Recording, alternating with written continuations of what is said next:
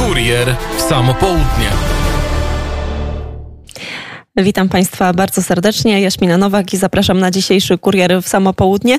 A dziś opowiemy m.in. o szokującym odkryciu niemieckiej prokuratury. Wpadła ona na trop rozbudowanej siatki pedofilskiej. Jeżeli chodzi o skalę tego zjawiska, to ten serwis internetowy z pornografią dziecięcą używany był przez ponad 400 tysięcy użytkowników na całym świecie. Póki co aresztowano trzech administratorów platformy i jednego z najaktywniejszych jej użytkowników. Więcej na temat tej sprawy już za 20, e, za niespełna 20 minut na antenie Radia Wnet. Dodatkowo połączymy się z Sejmem. Tam nasz e, dziennikarz Łukasz Jankowski e, będzie mówił o tym, czym dzisiaj zajmą się posłowie, a mianowicie o rządowym projekcie ustawy ratyfikującej Fundusz Odbudowy, czyli o zwiększeniu zasobów własnych Unii Europejskiej. Ale jak zawsze we wtorek zaczynamy od krótkiej rozmowy na temat działalności, na temat tego, czym obecnie obecnie zajmuje się pomoc Kościołowi w potrzebie. Gościem Radia Wnet jest ksiądz dr Andrzej Paś. Szczęść Boże. Szczęść Boże, witam panią redaktor i wszystkich słuchaczy. Bardzo się cieszę, że jest ksiądz naszym gościem. E, może zaczniemy od inicjatywy papieża Franciszka. E, maj ma być miesiącem modlitwy o ustanie pandemii koronawirusa. Opowiedzmy proszę trochę więcej na ten temat. Jak będzie wyglądał harmonogram tej miesięcznej światowej modlitwy? Wszystko zaczęło się już 1 maja. Papież Franciszek zachęcił cały Kościół do włączenia się o ustanie, do włączenia się do modlitwy o ustanie pandemii na świecie. I my jako Stowarzyszenie Papieskie Pomoc Kościołowi w Potrzebie również włączamy się e, w tę inicjatywę, która obejmie wszystkie kontynenty świata.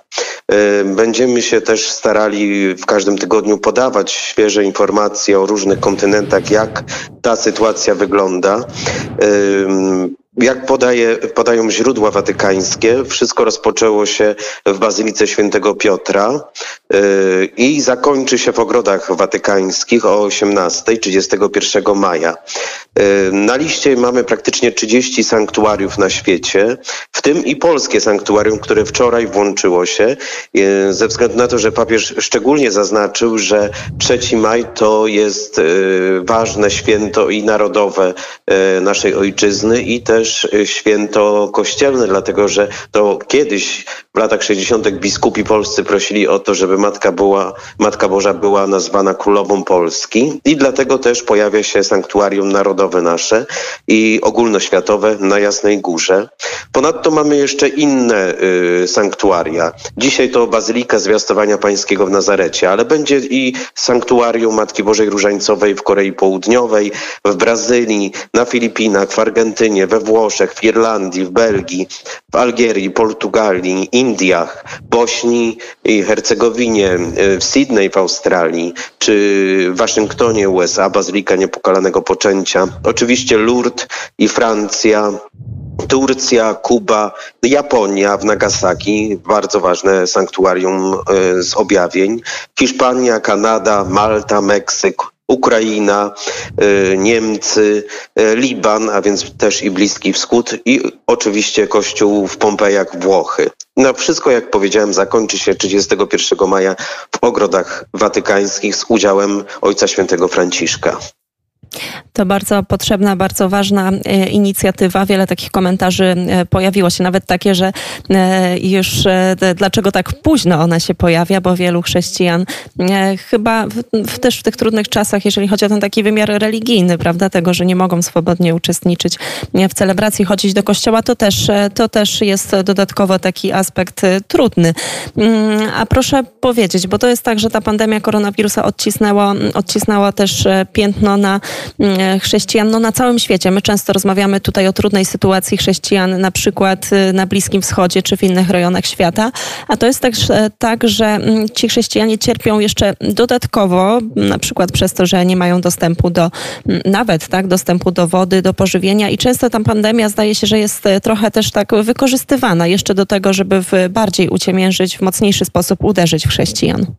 No słusznie, pani redaktor zaznaczyła, żadne wydarzenie we współczesnej historii nie wpłynęło tak na ludność świata, jak właśnie pandemia COVID-19. Bez względu na rasę, kolor skóry czy wyznanie, pandemia zdewastowała dosłownie strukturę zdrowia publicznego i wstrząsnęła e, tradycyjnymi kanałami w gospodarce światowej, jak również w zarządzaniu, często z głębokimi konsekwencjami dla praw człowieka, w tym właśnie dla prawa e, do wolności religijnej. Kilka rządów afrykańskich e, przytłoczonych wyzwaniami związanymi z szalejącą pandemią przesunęło siły wojskowe, siły, siły bezpieczeństwa, aby wesprzeć e, potrzeby opieki zdrowotnej.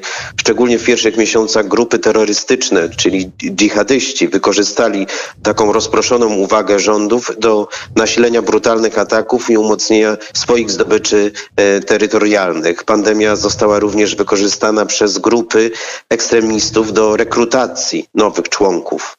Liczne internetowe publikacje propagandowe Al-Kaidy, tak zwanego państwa islamskiego czy Boko Haram opisywały właśnie COVID-19 jako karę boską za, za to, jaki jest Zachód, y, nazywając go dekadenckim Zachodem. I obiecywały odporność na wirusa, zapewniały dżihadystom miejsce w raju. W tym całym regionie, od Mali aż po Burkina Faso, Nigru czy Nigerię, a także w regionie Cabo Delgado, to na północy Mozambiku, e, islamiści przegrupowali się, dozbroili, umocnili swoje siły, stworzyli nowe sojusze i, i nowe struktury. Ale też państwa e, skorzystały z, z tego zamieszczania, szczególnie właśnie autorytarne reżimy, na przykład Chiny, które wykorzystały pandemię do nałożenia jeszcze większych ograniczeń na praktykowanie religijne, na przykład zamknięcie stron internetowych, na których transmitowane były nabożeństwa.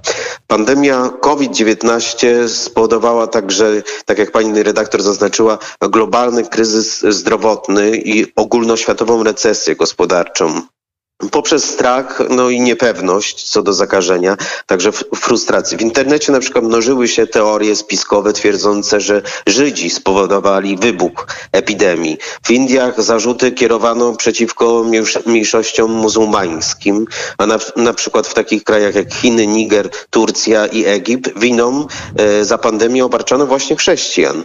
Istniejące wcześniej uprzedzenia społeczne wobec e, społeczności religijnych doprowadziły do, e, do e, dyskryminacji przez odmowę dostępu do żywności i pomocy medycznej. I tak właśnie było w Pakistanie i cały czas jest tak w Pakistanie.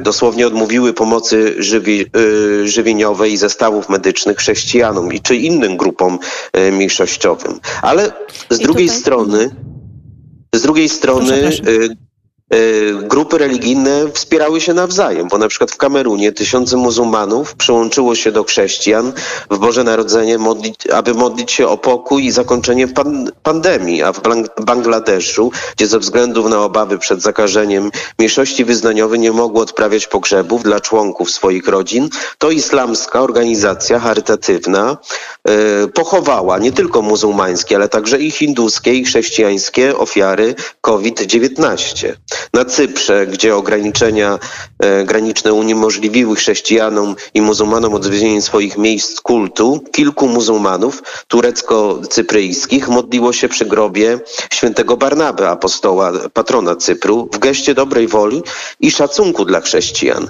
A więc coś pozytywnego również ma miejsce. Wreszcie mówiąc o no przypadku właśnie, ja pozytywnej... bardzo dziękuję za te pozytywne, tak, za, za te pozytywne słowa, bo tak. ich też teraz bardzo brakuje, prawda?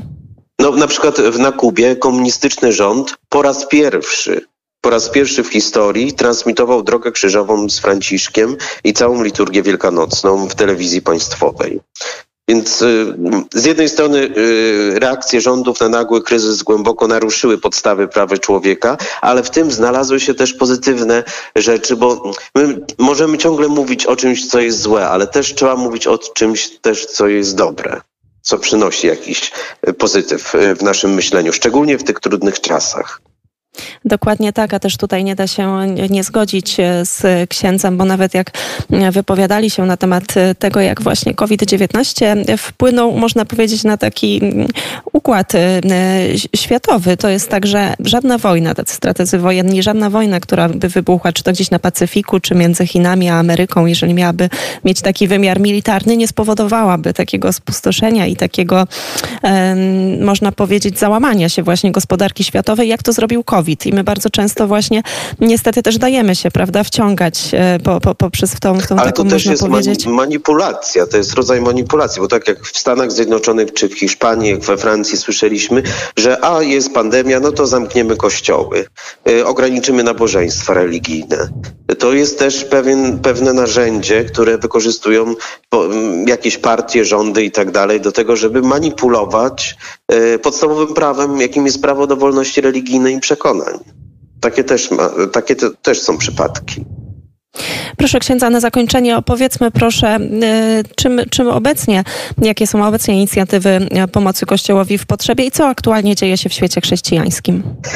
No, jeśli chodzi właśnie o Amerykę Łacińską, to jesteśmy przerażeni, dlatego że do, naszych, do naszej centrali w Königstein w Niemczech docierają do nas bardzo niepokojące wiadomości o tym, że bardzo wielu duchownych i y, osób, które służą ludziom, y, stało się ofiarami COVID-19. Mamy tutaj dziesiątki księży w takich krajach jak Wenezuela, Meksyk, Peru, Kolumbia, Boliwia. W Wenezueli, dajmy na to, mamy tutaj 10% y, wszystkich księży, którzy zachorowali i zmarli. W Meksyku y, pięciu biskupów zmarło, 221 księży i zakonników, 11 diakonów i 8 wśród zakonnych. W Peru mamy kolejny, y, kolejny, kolejne ofiary, czy w Kolumbii 12 jezuitów, których, którzy służyli ludziom, pomagali, ale jednak też no, że tak powiem, oddali życie w, służąc im właśnie w ten sposób. Natomiast w różnych częściach świata, szczególnie w Afryce, dochodzi do, do niestety znowu do, do różnych porwań. Teraz ostatnio w Sudanie Południowym porwano jeszcze niewyświęconego biskupa, czyli biskupa Ele, Elekta, y, który, który został porwany, pobity i tak zostawiony. Czy w, na Haiti y, całkiem niedawno, bo pod koniec kwietnia, y, porwano i księży księży y, i y, osoby zakonne. To wszystko miało miejsce 15 kwietnia, więc docierają do nas bardzo, bardzo takie przerażające wiadomości. Czy też właśnie to, co się dzieje w Etiopii, y, gdzie trwa dramatyczna sytuacja humanitarna w regionie Tirkei na północnej części Etiopii w wyniku konfliktu politycznego między rządem a Frontem Wyzwolenia Ludu Tirkei, gdzie sieje się i, i głód i strach. Więc te, te wszystkie rzeczy, teraz nagle, nagle troszeczkę zależy nam Bliski Wschód, y, gdzie rzeczywiście y, jest po pielgrzymce papieża jakiś owoc pozytywny tego wszystkiego, co się dzieje. Teraz ostatnio nawet papież y, przyjął chyba wczoraj premiera Iraku, czy kogoś z rządu. Wiem, że tak, że tak się stało, a więc buduje się jakieś porozumienie. Takie milowe kroki dokładnie no, ale potrzebna była ta pielgrzymka. Wszyscy mówili tak, o po co papież leci, jak jest pandemia i to naj, najbliżsi współpracownicy papieża Franciszka podpowiadali mu, po co ty lecisz tam, Ojcze Święty, no możesz umrzeć.